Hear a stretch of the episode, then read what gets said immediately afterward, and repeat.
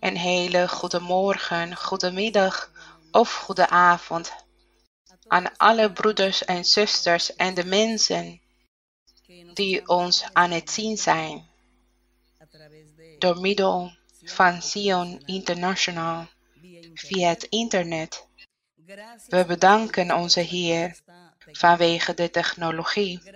We bedanken de Heer, want dit is de manier hoe wij ons kunnen communiceren met jullie allemaal. Want wij bevinden ons in moeilijke momenten, moeilijke tijden. En we kunnen niet bij elkaar komen. En de tempels zijn dichtgegaan in een aantal landen, waarbij de bijeenkomsten worden verboden met meer dan tien mensen. Dus wij hebben gekozen om de tempels te sluiten. Maar wij zullen doorgaan. Wij zullen doorgaan met God loven en God zoeken. Wij zullen blijven strijden zoals de koor zegt. En als de duivel denkt dat hij het gevecht aan het winnen is, of dat hij de strijd aan het winnen is, dan heeft de duivel zich vergist. Want het is God die hem heeft toegelaten, zodat hij al die kwaad aan het berokkenen is. En hieronder zal dan de kerk ook leiden, de gelovigen van de Heer Jezus Christus. Maar deze strijd, dit gevecht, is de duivel niet aan het winnen. Wij zullen winnen. En wij zullen de strijd winnen. Want zo heeft God het beloofd. En wij zullen doorgaan. En wij zullen God blijven zoeken.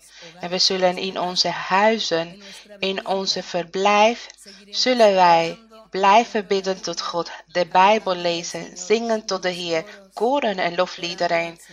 Wij zullen tot God bidden en wij zullen de vrijheid geven aan de Heilige Geest. En wij zullen de manifestatie, het bezoek van God blijven hebben. De manier hoe Hij ons bezoekt door middel van dromen, profetie, door middel van openbaringen.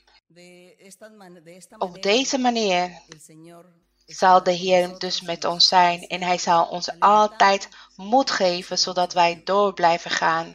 Dus de Overwinning zal God aan ons geven. En wij zijn in een strijd, in een gevecht. Maar wij zullen winnen. De glorie is voor onze Heer. De glorie is voor onze koning. Dus jullie allen, wees niet bezorgd. Wees niet verdrietig of bang. Vertrouw op de Heer. En bekeer je tot de Heer in jullie geestelijke leven. Dat ieder kan overdenken en zich kan verantwoorden tegenover God. En overdenkt uw leven, hoe u leeft in de ogen van God, zodat God u kan beschermen en behoeden en leven en gezondheid kan geven en zodat God niet zal toelaten dat deze dodelijke ziekten u zullen treffen. En we zijn afhankelijk van God en wij wandelen met God. Wij hebben zijn hand vast. En daarom zullen wij niet twijfelen of wantrouwen, zoals jullie ervaringen hebben meegemaakt van de vervulde beloftes van de Heer. Zoals jullie zeggen, God heeft vervuld wat Hij heeft beloofd. En in deze tijd zullen wij hetzelfde zeggen. Wij worden op de proef gesteld misschien, maar God zal ons laten overwinnen. Hij zal ons helpen. Hij zal ons laten drijven en hij zal ons niet laten zinken. Dus wij hoeven niet verdrietig of bezorgd te zijn. God is machtig en we moeten denken aan de psalmen. Lees de psalmen, want die zijn prachtig en mooi. En er is een psalm die zegt, roep mij aan in de dag van benauwdheid. En wat is de dag, of welke is de dag van benauwdheid? Dat is de tijd waarin wij ons bevinden. We maken nu benauwdheid mee, want alle media die praten over deze dodelijke ziekte. En alle mensen zijn bezorgd. De mensen zijn angstig en ze worden gek en ze weten niet wat ze moeten doen. En alle voedingsmiddelen, alle basisbehoeftes, die raken op wat wij nodig hebben. Alle voedsel raakt op. Alle basiselementen, de medicatie, vitamines, alles raakt op. Dus dat leidt dat wij men zich meer zorgen erover gaat maken. En dat is dus de dag van benauwdheid. En de dag van benauwdheid kan maanden duren of jaren. En wij verwachten dat het alleen maar een aantal dagen zal zijn. En wij vragen aan God. En wij zullen tot God blijven bidden en aan God blijven vragen. Dat die dag van benauwdheid alleen maar een aantal dagen zal zijn. En er wordt gezegd, roep mij aan in de dag van benauwdheid. Ik zal u eruit helpen en u zult mij eren. De glorie is voor onze God, de eer is voor onze Heer. En dat is zo, want als wij de Heer aanroepen, als wij tot Hem smeken, Hij zal ons aanhoren, Hij zal ons beantwoorden, Hij zal handelen op het moment dat wij Hem nodig hebben zoals de momenten waarin wij ons bevinden. Dus wij bedanken onze Heer en jullie allen, waar jullie ook zijn. Ik herhaal, vanuit jullie woningen, jullie huizen, dat jullie de Bijbel lezen, bidden en doorgaan. En dat jullie de Heer lief hebben en God zoeken en God behagen en zijn wil doen. Goed, broeders en zusters. De mensen die ons horen, die ons zien. Vandaag gaan wij overdenken in klagliederen, hoofdstuk nummer 2. Klagliederen is een klaglied of een gedicht.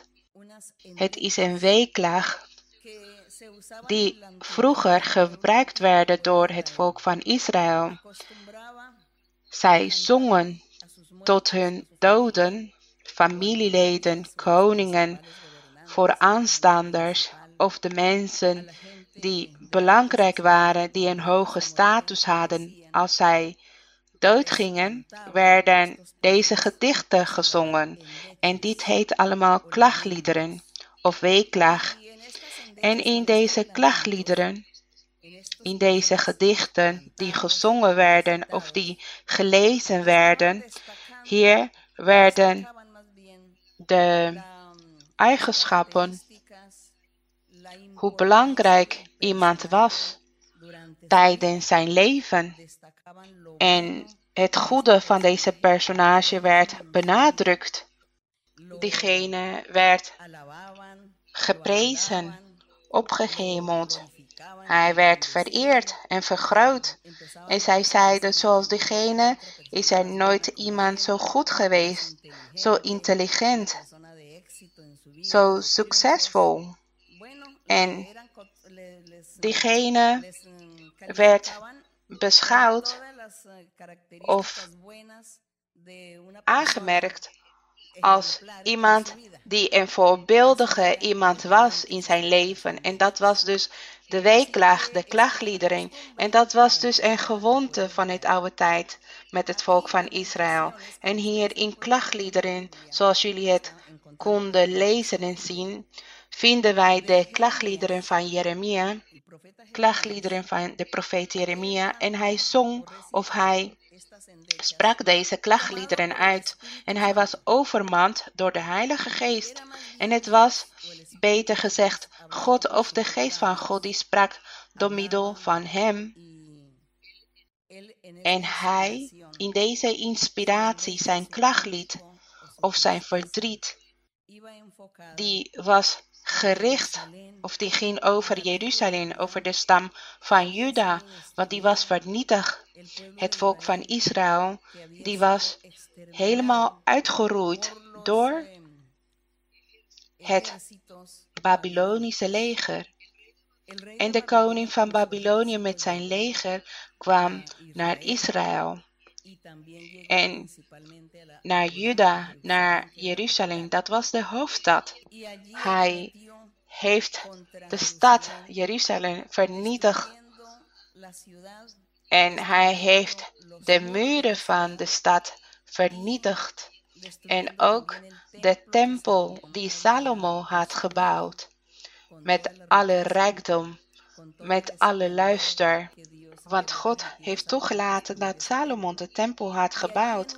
En op een gegeven moment kwam het leger en die heeft de tempel vernietigd. En die heeft het ook in brand gestoken.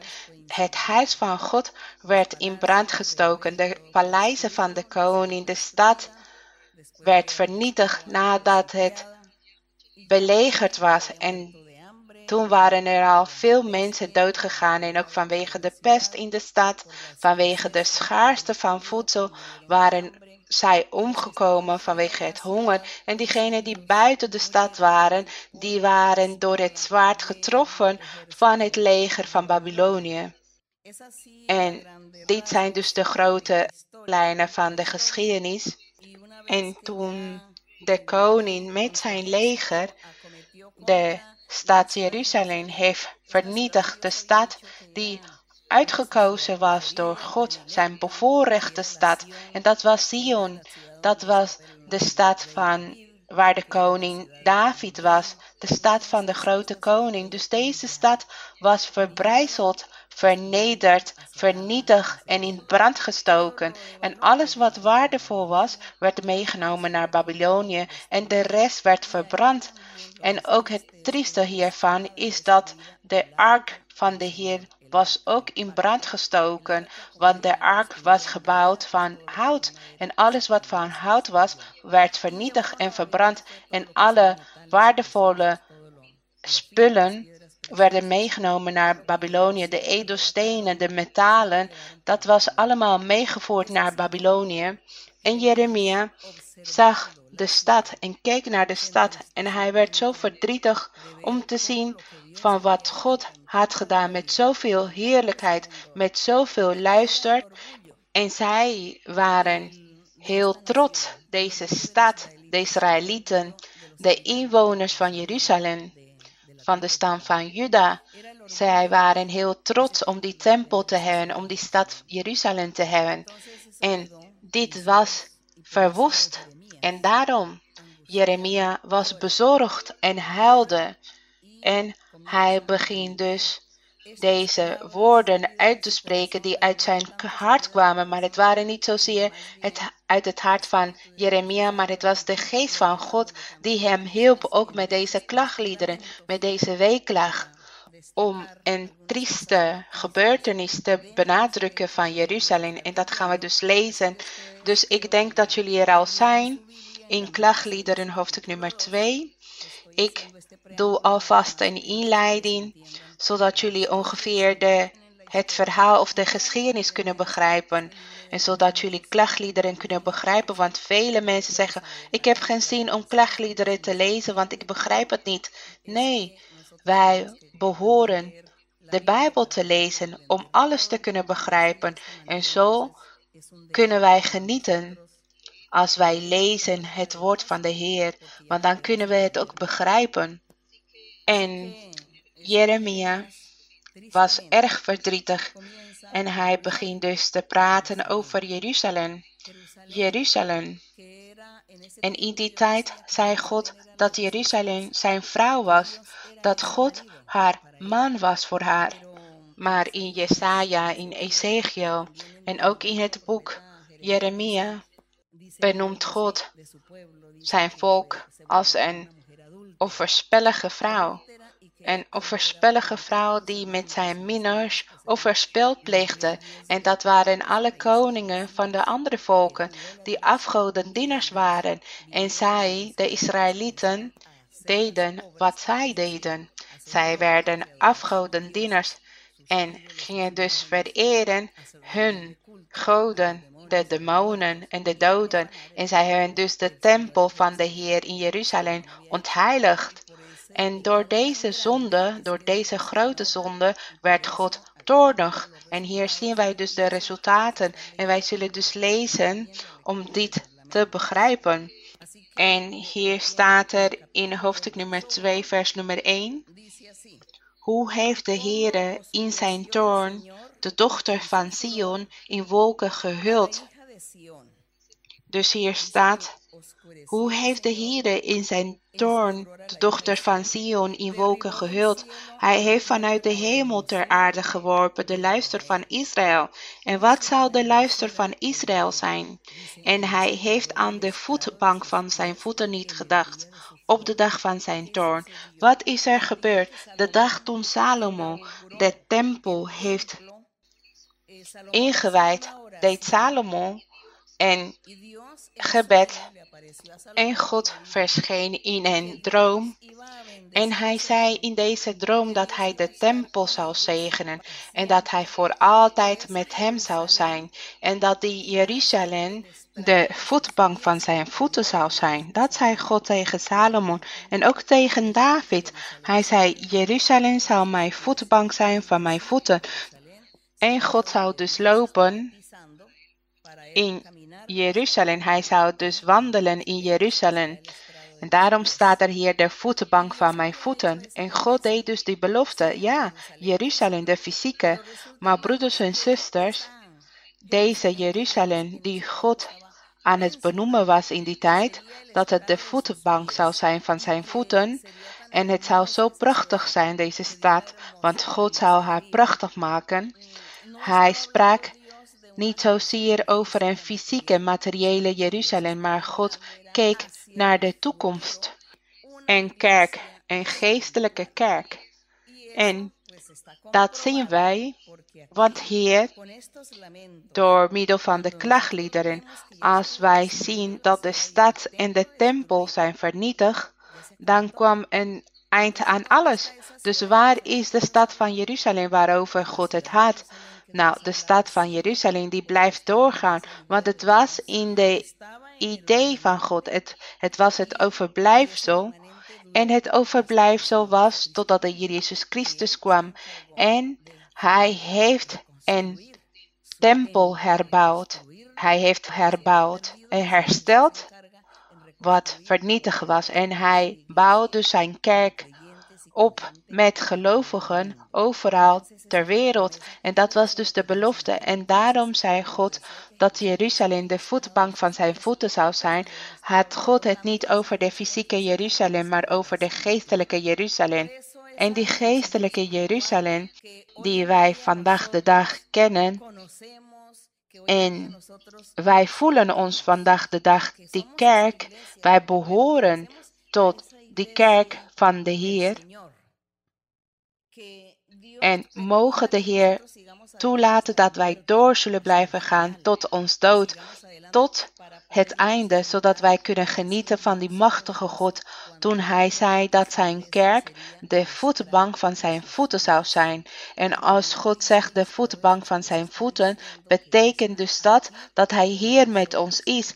En dat wij onze hart, de harten van alle mensen, van de mensen die zich zorgen maken om God te zoeken, jullie allen zijn dus die kerk, die geestelijke Jeruzalem.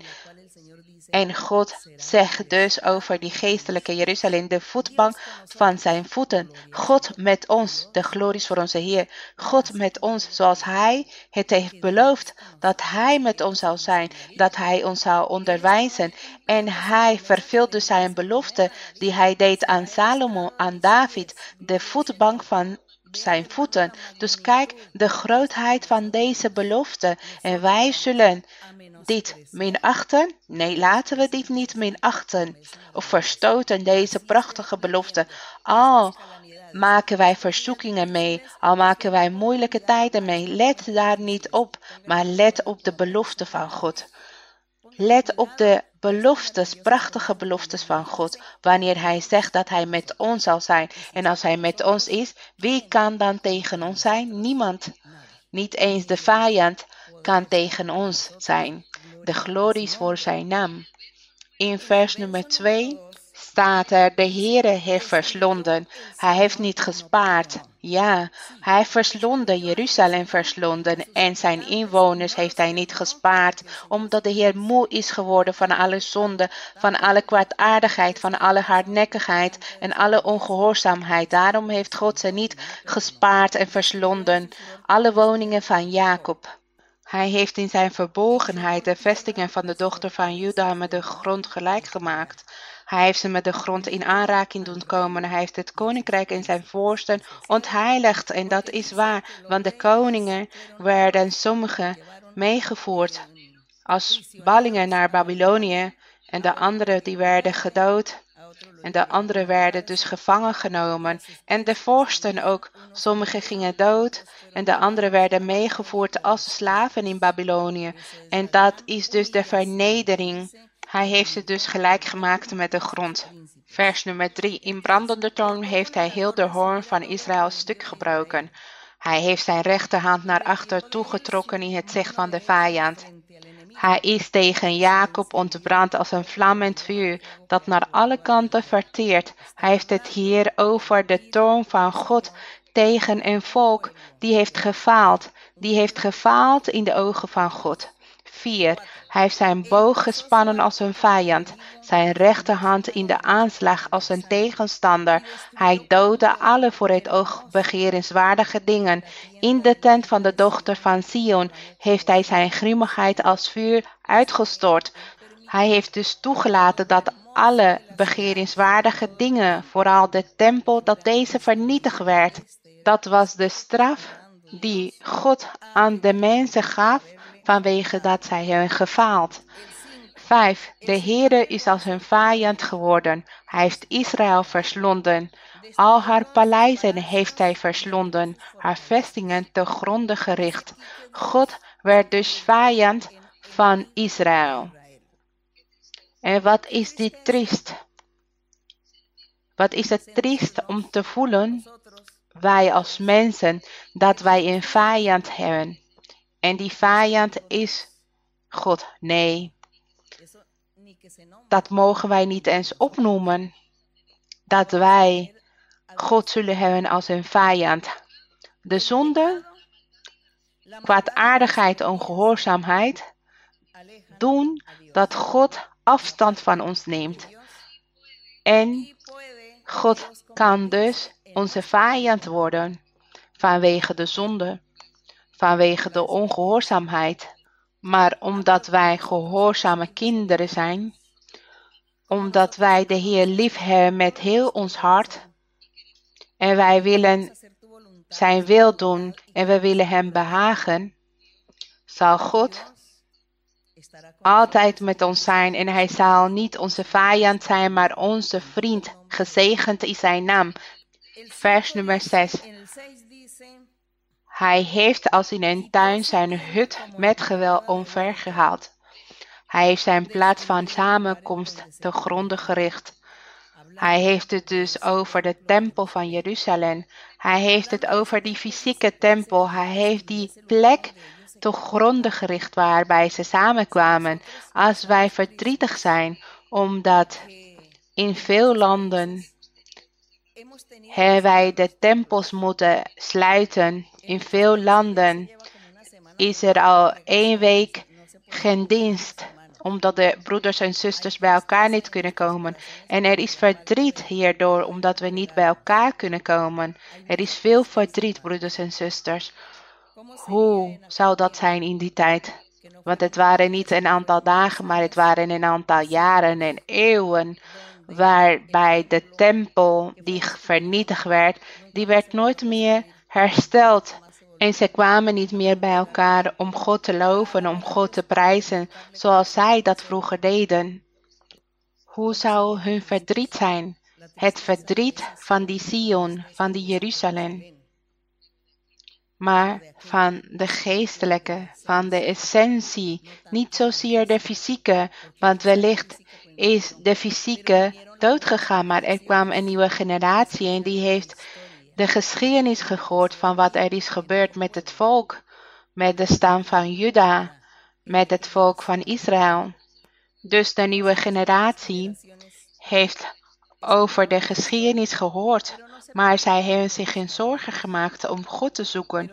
Maar er was wel verdriet vanwege de verwoesting en omdat een eind kwam aan de feesten, aan de Sabbatsdagen dat de gemeenschap bij elkaar zou komen om God te loven. En nu kunnen wij ze wel begrijpen, want Wij maken verdrietige tijden omdat wij niet bij elkaar kunnen komen als kerk. Maar God zal ons de kans geven om bij elkaar te komen. En ik denk dat er heel veel mensen zullen komen om God te zoeken. Dat verwacht ik. Vers nummer 6 gaan we verder met lezen. Hij heeft zijn plaats van samenkomst te gronden gericht. De Heere heeft in Sion laten vergeten feestdag en Sabbat. Hij heeft in zijn grimmige toorn verworpen koning en priester. Hij heeft dus de koning en priester verworpen. Degenen die aan het dienen waren. Het woord van de Heer. 7. De Heere heeft zijn altaar verstoten, teniet gedaan zijn heiligdom. Het heiligdom. De plek, de allerheiligste plek waar de ark van God zich bevond. De plek waar de hoge priester één keer per jaar naar binnen ging om met God te praten. Deze werd vernietigd, deze werd verbrand. Hij heeft in de hand van de vijand uitgeleverd de muren van haar paleizen, de muren van de stad. Zij hun in het huis van de Heere hun stem laten klinken als op een feestdag. De Heere heeft besloten om de muur van de dochter van Sion te gronden te richten. Hij heeft het meetlint uitgespannen. Hij heeft zijn hand niet teruggetrokken van de verslinding. Hij heeft de vestingwal en de muurrouw doen bedrijven. Samen zijn zij ingestort. Heer, wordt deze muren uitgebeeld. En de Heer zegt dat de vernietiging was zo groot van deze stad, van Jeruzalem, van Sion, dat zelfs de muren, die waren aan het rouwen, want ze werden vernietigd. Des te meer, hoe zou het de weeklaag van de mensen, van de harten van de mensen. Vers nummer 9. Haar poorten zijn ter aarde gezonken, de poorten van de stad. Wij moeten weten dat het een onmuurde stad was en die had grote poorten, zware poorten en alles werd dus ter aarde gezonken. Haar grendels heeft hij vernield en gebroken. Haar koning en haar vorsten bevinden zich onder de heidevolken. Het onderwijs in de wet ontbreekt. Ook hebben haar profeten geen visioenen van de Heer ontvangen. Dus de profeten ontvingen ook geen openbaringen van God. We moeten weten dat God regelmatig de profeet heeft gestuurd, zodat hij tegen het volk zouden spreken, tegen de voorste koningen, priesters. En zij wouden dus niet geloven, zij wouden niet luisteren. Integendeel, zij hebben de dieners van de Heer achtervolgd om ze te vermoorden of gevangen nemen of te martelen. En zij hebben dus nooit geluisterd. In die tijd van verzoeking begonnen zij de Heer aan te roepen en tegen de Heer te zeggen: Stuur ons profeten zodat ze ons kunnen troosten. Maar de Heer heeft ze niet gestuurd, ook geen visioenen. Hij gaf ze geen openbaringen meer. En de profeten hadden alleen maar deze titel als profeet, maar ze hadden geen openbaringen meer van God. God heeft zich niet meer vernederd om tegen de profeten te spreken of iets te laten zien voor het volk, want God had al bepaald dat hij ze zou straffen en vernietigen. Dus in vers nummer 10 staat er, zij zitten zwijgend op de grond, de oudste van de dochter van Sion, zij hun stof op hun hoofd geworpen, zich met rouwgewaden omgord. Zij wisten niet wat zij nog moesten doen, zodat God zich zou manifesteren. Zij laten hun hoofd ter aarde hangen, de jonge vrouwen van Jeruzalem. Als er wordt gesproken over de jonge vrouw van Jeruzalem, gaat het dan over het volk zelf. Dat allen gingen God aanroepen, gingen smeken tot het Heer. Maar het was te laat, omdat zij de zegening kwijt waren geraakt. God was toornig. Vers nummer 11. Mijn ogen zijn verteerd door tranen. Mijn binnenste is vol onrust. Mijn ingewanden zijn ter aarde uitgestort vanwege de breuk van de dochter van mijn volk. Dat zijn woorden van Jeremia. Om het bezwijken van kind en zuigeling op de pleinen van de stad. Tegen hun moeder zeggen zij: Waar is er koren en wijn? Terwijl zij bezwijken als dodelijk gewonden op de pleinen van de stad, terwijl hun leven wegvloeit op de schoot van hun moeders. Wat zal ik u voorhouden, waarmee u vergelijken, dochter van Jeruzalem? Als er wordt gezegd, dochter van Jeruzalem gaat het om Jeruzalem. Het is die Jeruzalem die veel inwoners had. En God had gesproken tot hem. Al deze mensen hadden gehoord over God door middel van de profeten. En zij wouden dus niet geloven, zij waren niet gehoorzaam geweest. Zij zijn de dochter van Jeruzalem. Waaraan zal ik u gelijkstellen, zodat ik u zal troosten? Mag dochter van Sion, dat is hetzelfde Jeruzalem. Want groot als de zee is uw breuk. Wie kan u genezen? Niemand, alleen God. Maar God had al gezegd genoeg. Mijn beker vloeit over, is overlopen. De beker van de toorn van God. En het is de tijd. En laten we ook denken toen de Heer Jezus Christus in Gethsemane was. Hij was aan het lijden en hij was aan het huilen. En zijn zweet werd als grote druppels bloed. En de Heer Jezus Christus zag een beker, een drinkbeker die vol zat. En hij moest deze drinkbeker drinken, want deze beker zat vol. En de Heer zei, Vader, als u wilt, neem deze drinkbeker van mij weg. Ik drink het niet en dan zal er niks gebeuren. Dan zal ik niet gekruisigd worden en het volk zal blijven leven als wezen, zal blind zijn, zal nog steeds onweten zijn. Zij zullen zonder God leven en zonder hoop. Maar de Vader heeft zeker tegen Jezus gezegd: Jij hebt het beloofd. Dit is een verbond, dus je moet doorgaan. Je moet mijn beker drinken, wat mij door loopt over. En je moet het drinken, want in die beker zat alle zonde van de mensen, van het volk. Daar was de zonde in dat beker. En toen de Heer het dronk, werd hij de mens die het meest had gezondigd. En daarom is hij gekruisigd. Hij heeft dit allemaal gedaan zodat we allen verlost zouden worden, zodat wij het eeuwige leven zouden ontvangen en zodat wij van de aanwezigheid van God konden genieten en van de aanwezigheid van de Heilige Geest, van de leiding van de Heilige Geest, zodat wij van onze Heer kunnen genieten. Dat is de offer die de Heer Jezus Christus heeft gedaan. Hij dronk van die drinkbeker van de toorn van God, en daarom zegt hij Heer dat zijn beker vol zat, dat hij niet meer zou tolereren. En hij heeft dus die straf gestuurd aan het fysieke volk.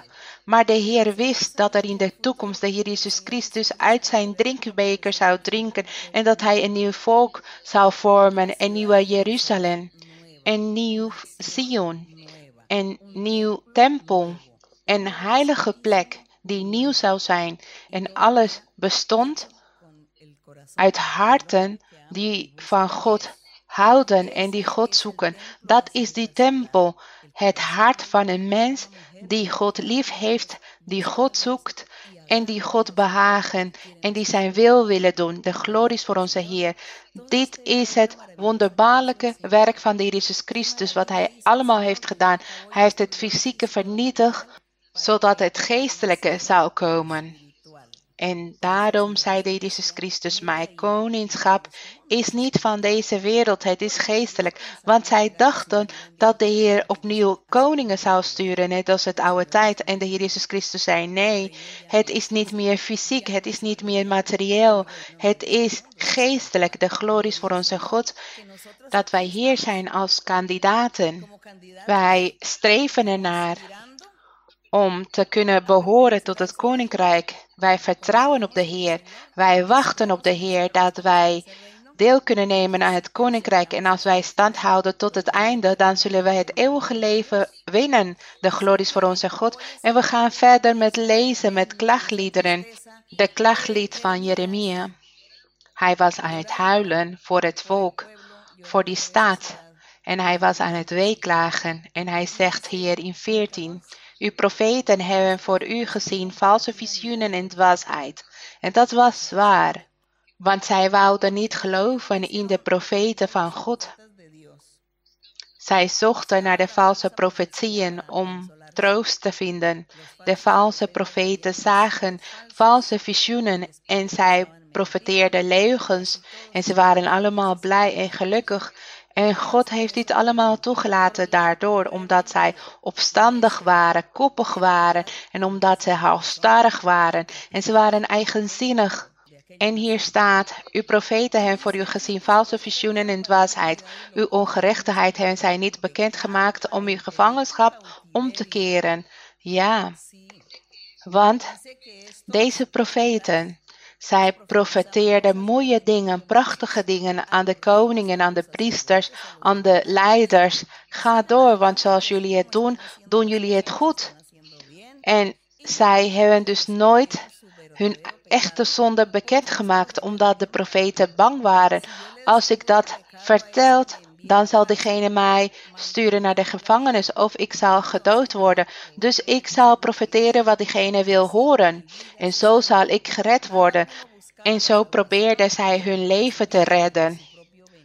En vandaag de dag hebben wij ook het profetische woord in de kerk van de Heer. Dat is de belofte van de Heer, want Hij zei ook dat Hij apostelen, profeten en evangelisten, herder en leraar zou aanstellen. En dit hebben we ook in de kerk. En ik weet dat deze mensen, die zullen wel eerlijk zijn en die zullen God liefhebben en die zullen waar spreken en profeteren, want de geest van God zal met hem zijn. En als iemand koppig opstandig, ongelovig is en die wil zich niet bekeren en afstand nemen van de zonde, zal God hem zeker toestaan om valse profetieën, valse visioenen, valse dromen te hebben, zodat diegene meer gaat zondigen. En dan heeft God redenen om diegene te straffen, om diegene te verstoten van de kerk, om diegene af te houden van de boom. En de boom is Christus en de kerk is geënt. God zal dan deze persoon afrukken, want dat is de belofte. Er zal nooit een einde komen aan de kerk. Nooit. Maar er zullen wel mensen, mannen en vrouwen die in de gemeenschap zijn en die denken dat zij de kerk van God zijn, die het slechte doen, die zondigen en die koppig en halstarrig en opstandig zijn, wat God dan doet, is deze personen weghalen, verstoten, maar de kerk zal blijven doorgaan. En zo komt dus in vervulling wat de Heer Jezus Christus zei: Ik ben de wijnstok en jullie de ranken. Dus ik ben een wijnstok en jullie de gelovige mannen en vrouwen, die zijn de ranken, die zijn geënt bij mij, want ik ben de wijnstok. En elke rank die in mij geen vrucht draagt, neemt hij weg. Dat is wat hij zegt. En deze wordt dan verbrand. En diegene die vruchten draagt, die worden gereinigd, zodat die meer vruchten kan dragen. Dus wat wij zien in de kerk van de Heer Jezus Christus, de kerk, er zal nooit een eind komen aan de kerk, maar er zullen wel mensen zijn die kunnen verstoten worden in de aanwezigheid van God vanwege hun slechte manier van leven, omdat zij niet tot inkeer willen komen, omdat zij niet eerlijk zijn en zij willen van God niet houden. En dan kan de Heer ons verstoten. Dus wij moeten hiermee uitkijken. Laten wij goed zorgen voor onze geestelijke leven. Laten we de Bijbel lezen. Laten we eerlijk zijn, oprecht zijn en laten we de Heer lief hebben. En wij zullen dus zien hoe God altijd met ons zal zijn. En wij zullen dan die rank zijn die goede vrucht draagt in die prachtige boom en dat is de wijnstok en de Heer Christus. Dus broeders en zusters, deze week lag al die klagliederen die wij van Jeremia aan het lezen zijn. Het lijkt heel veel op het leven die wij vandaag de dag meemaken, die iemand kan meemaken en wat iemand kan overkomen. En hier in vers nummer 15 staat er, maar ik heb 14 nog niet helemaal gelezen. Uw profeten hebben voor u gezien valse visioenen en dwaasheid. Uw ongerechtigheid hebben zij niet bekendgemaakt om uw gevangenschap om te keren, maar zij hebben lasten voor u gezien van valsheid en misleidingen. Dat is het. Dit kan er ook vandaag de dag gebeuren. Diegenen die ongehoorzaam zijn. God kan dan toelaten dat een misleidende geest komt en valse profetieën, valse visioenen geeft vanwege de zonde, vanwege de ongehoorzaamheid of vanwege hun huichelarij. Vers 15. Alle voorbijgangers hebben over u de handen ineengeslagen. Zij sisten van afschuw en schudden hun hoofd over de dochter van Jeruzalem. Is dit de stad waarvan men zei, volmaakt van schoonheid en vreugde voor heel de aarde? Dat is wat de andere volken zeiden van Jeruzalem, van Israël. Zij waren de spot aan het drijven. Jullie zeiden toch dat het een machtige God was, de God van Israël. Die deed toch wonderen. Het was de machtigste God van alle volken. Dat zeiden jullie toch? En kijk, kijk jullie Jeruzalem. Helemaal vernietigd, verbrand, verbrijzeld.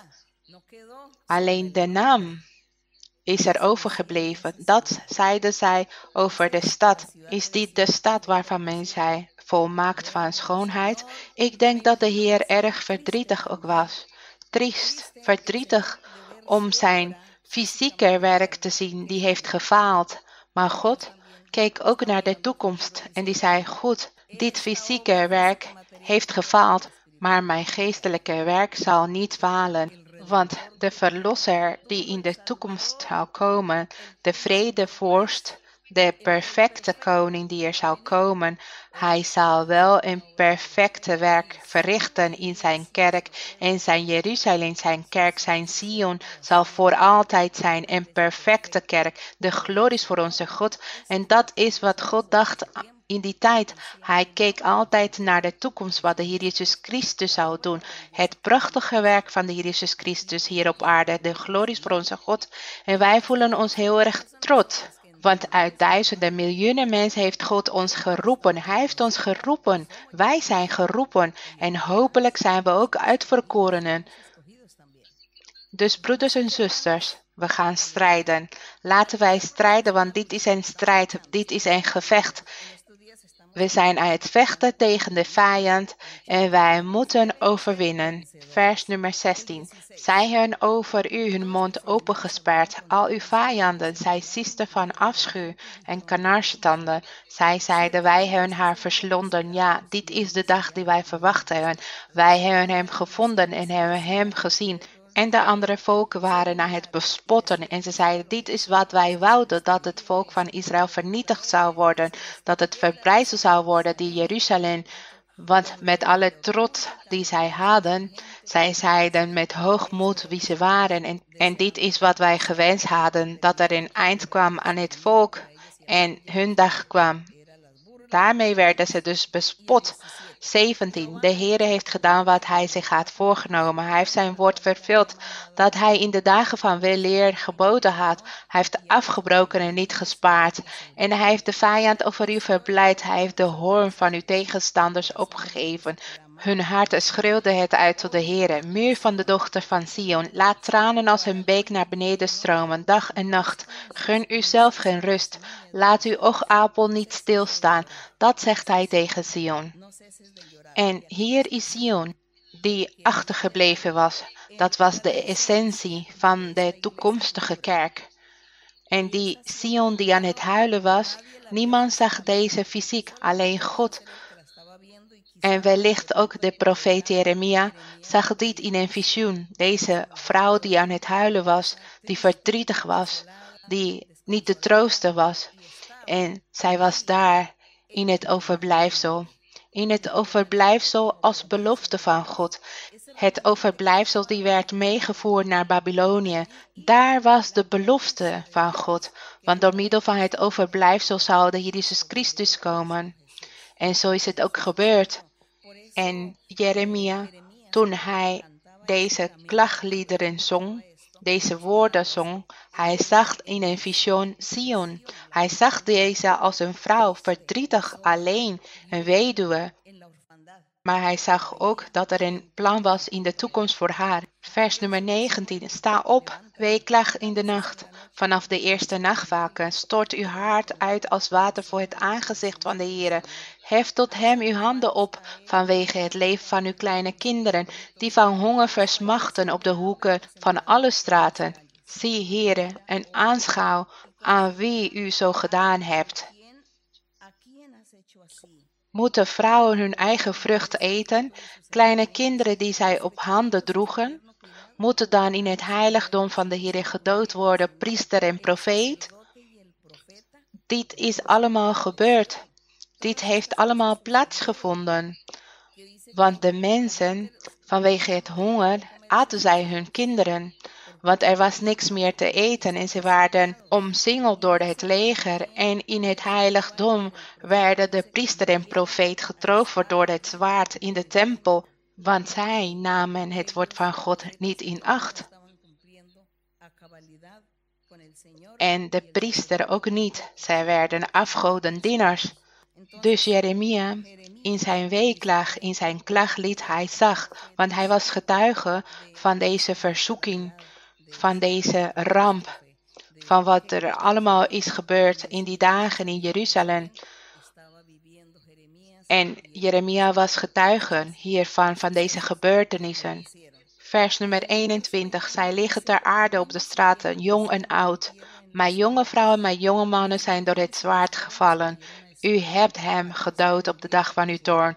U hebt hem afgeslacht en niet gespaard. U hebt bijeengeroepen als op een feestdag verschrikkingen voor mij van rondom. En niemand is op de dag van de toorn van de Heer ontkomen of ontvlucht. Wie ik op handen heb gedragen en heb groot gebracht, heeft mij vijand omgebracht.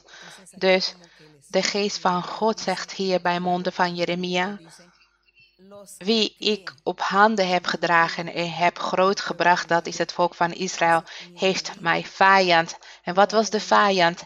Het leger van Babylonië, het Babylonische Rijk, die kwam op een gegeven moment en die heeft vernietigd een volk uitgeroeid.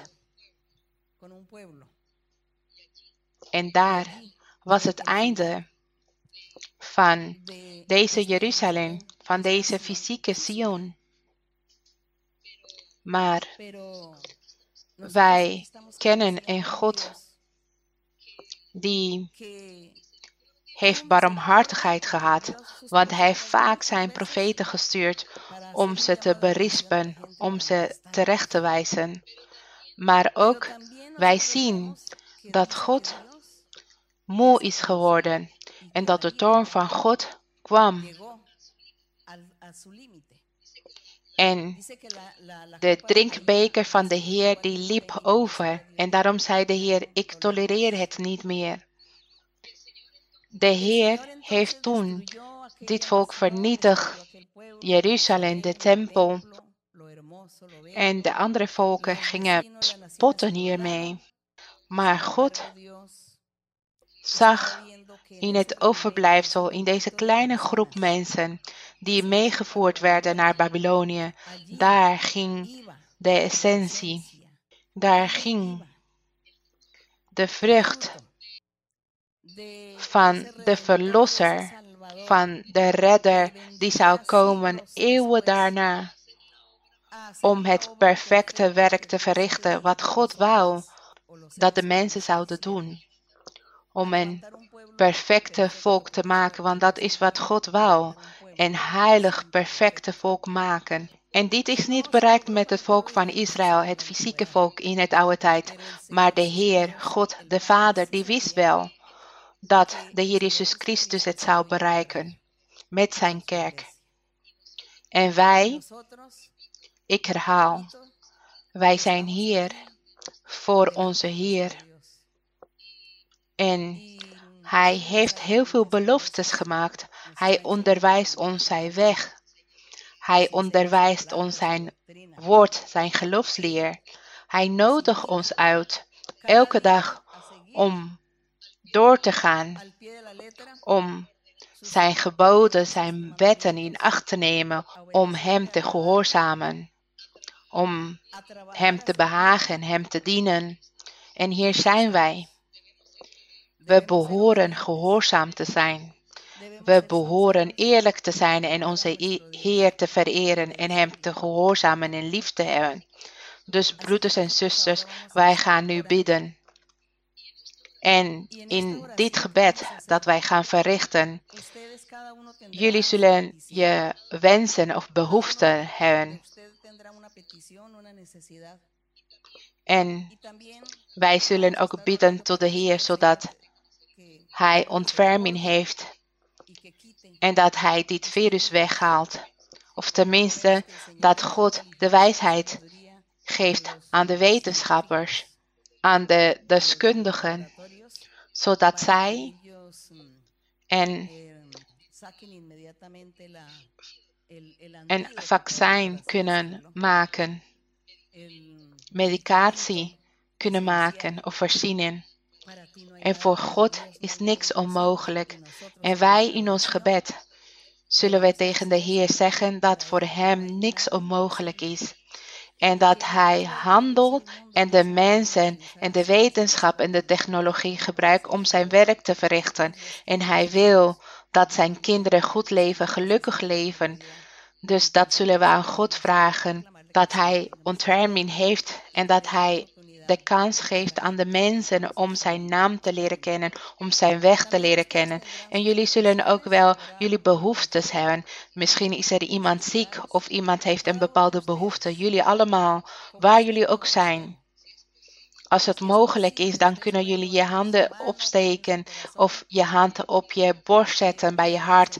Roep de Heer aan, wees eerlijk en dan zal God u aanhoren, ons aanhoren. Dus laten we ons gebed verrichten van onze behoeftes, genezingen en ook zullen we afscheid nemen tegelijkertijd. En jullie blijft jullie Bijbels lezen thuis en God loven. Hemelse Vader, eeuwige God, Vader van onze Jezus Christus. We bedanken u, Heilige Vader, omdat u heeft toegelaten dat wij uw weg hebben leren kennen. Omdat u heeft toegelaten dat wij naar de plek zijn gekomen die juist is, naar de ware plek. We zijn gekomen naar de echte plek, ware plek, want er zijn duizenden religies, mijn Heer. Overal ter wereld zijn er verschillende religies. En er zijn velen die zeggen dat zij christenen zijn. En velen die zeggen dat zij de Bijbel lezen. Maar Heer, wij, wij hebben meegemaakt dat zij zeggen dat zij de Bijbel lezen, maar wij hebben uw manifestatie niet gezien bij hem. Wij hebben niet gezien uw machtige hand bij hen. Dat u tegen hem spreekt en ze leidt. En wij, Heer, wij zijn een kleine groep overal ter wereld. U heeft ons ervaringen gegeven. U heeft ons laten zien openbaringen en u laat ons veel dingen zien door middel van dromen, visioenen, profetieën, door middel van de geestelijke gaven, mijn Heer, hebben wij genezingen gezien en ook dat u wonderen heeft verricht. Wonderen op verschillende manieren. En u heeft zich gemanifesteerd, mijn Heer. En vele mensen getuigen van de blijdschap die ze voelen toen zij naar de kerk kwamen toen zij naar de gemeenschap kwamen en zij hebben de kans gehad om profetie te luisteren. En zij getuigen van de blijdschap, van de verandering van leven en ook de blijdschap die in hun hart is. En zij huilen zelf van blijdschap. En ze zeggen, hier is God. Want ik voel de aanwezigheid van iemand in mijn leven. Dit allemaal, mijn Heer, zijn tekenen zijn bewijzen dat u aan ons geeft van uw bestaan en van uw manifestatie. En daarom, mijn Heer, geloven wij dat wij op de juiste weg zijn. Maar misschien, mijn Vader, misschien doen wij de dingen niet op de juiste manier. En misschien lopen wij vast, of staan wij stil, of wij proberen ons af te dwalen, maar u corrigeert ons, berispt ons, leidt ons, onderwijst ons. Laat het niet toe, mijn Heer, dat wij zullen afdwalen. Dat wij de onjuiste weg zullen nemen, maar dat wij altijd blijven op de rechte pad. de pad of de weg die ons leidt naar het eeuwige leven. De weg dat u heeft laten zien. Dus onderwijst ons en beschermt ons. Want in de wereld, wat we hebben veel over religies gehoord, maar wij hebben alleen deze ervaring meegemaakt van de Heilige Geest. Dank u wel, mijn Heer. Dank u wel voor uw barmhartigheid en voor deze voorrecht die wij hebben. En nu, mijn Heer, er is verdriet in ons hart vanwege dat de broeders en zusters niet bij elkaar zullen kunnen komen in deze tijd, in deze dagen, want de overheid heeft dat bepaald dat de tempels zullen sluiten als er groepen zijn die bij elkaar zullen komen met meer dan tien personen. En wij, mijn Heer, moeten ons onderwerpen aan de wetten en aan de overheid. Maar Heer, in ons hart bent u er. En u zal met ons zijn en u zult met ons gaan. Dus daarom, mijn Heer, vraag ik u dat u ons niet alleen, alleen laat, dat u uw machtige handen strekt, ontferming over ons hebt. Heb ontferming over de mensen die ziek zijn, diegenen die ongeneeslijke ziektes hebben. Strekt uw hand en genezen mij, Heer. Reinig ze en bevrijd ze en breek ketens af. Verwijder vervloekingen. En mijn Heer haalt vervloekingen van de duivel weg. Genees de mensen, geef ze vrede, blijdschap en onderhoud ze met het beste, mijn Heer. Van het dagelijkse brood dat u aan ons geeft, onderhoud ze, mijn Heer, dat niemand aan niks tekort zou komen.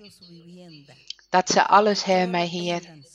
Strekt uw machtige hand en geef ze zegens en geef ze de kracht. En bescherm uw kinderen. Bescherm uw volk, Heilige Vader. Verwijder dit virus. En ook mijn Heer, laat toe dat er medicatie gevonden wordt of vitamine tegen al deze ziektes gevonden worden. U bent machtig, mijn Heer, en u geeft alles. U bent de eigenaar van het leven en van het hele heelal. U regeert over ons.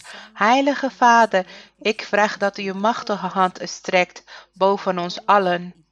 Boven alle broeders en zusters en ook alle mannen en vrouwen, kinderen en ook oude mensen.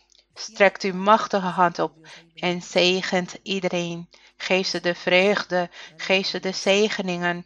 Dank u wel, mijn Vader, dat ze allen en zegen hebben. In de glorierijke naam van Jezus Christus vraag ik dit, mijn Heer. En voor u is de glorie, de lofuiting voor altijd. Dank u wel, mijn Heer. Gezegend is onze Heer, de glorie en de roem zijn voor onze Heer. Dank jullie wel, broeders en zusters en mensen die ons zien of die mij zien. Dank jullie wel, mogen de Heer jullie zegenen. Ik hou van jullie in de Heer. Tot binnenkort, mogen de Heer jullie zegenen.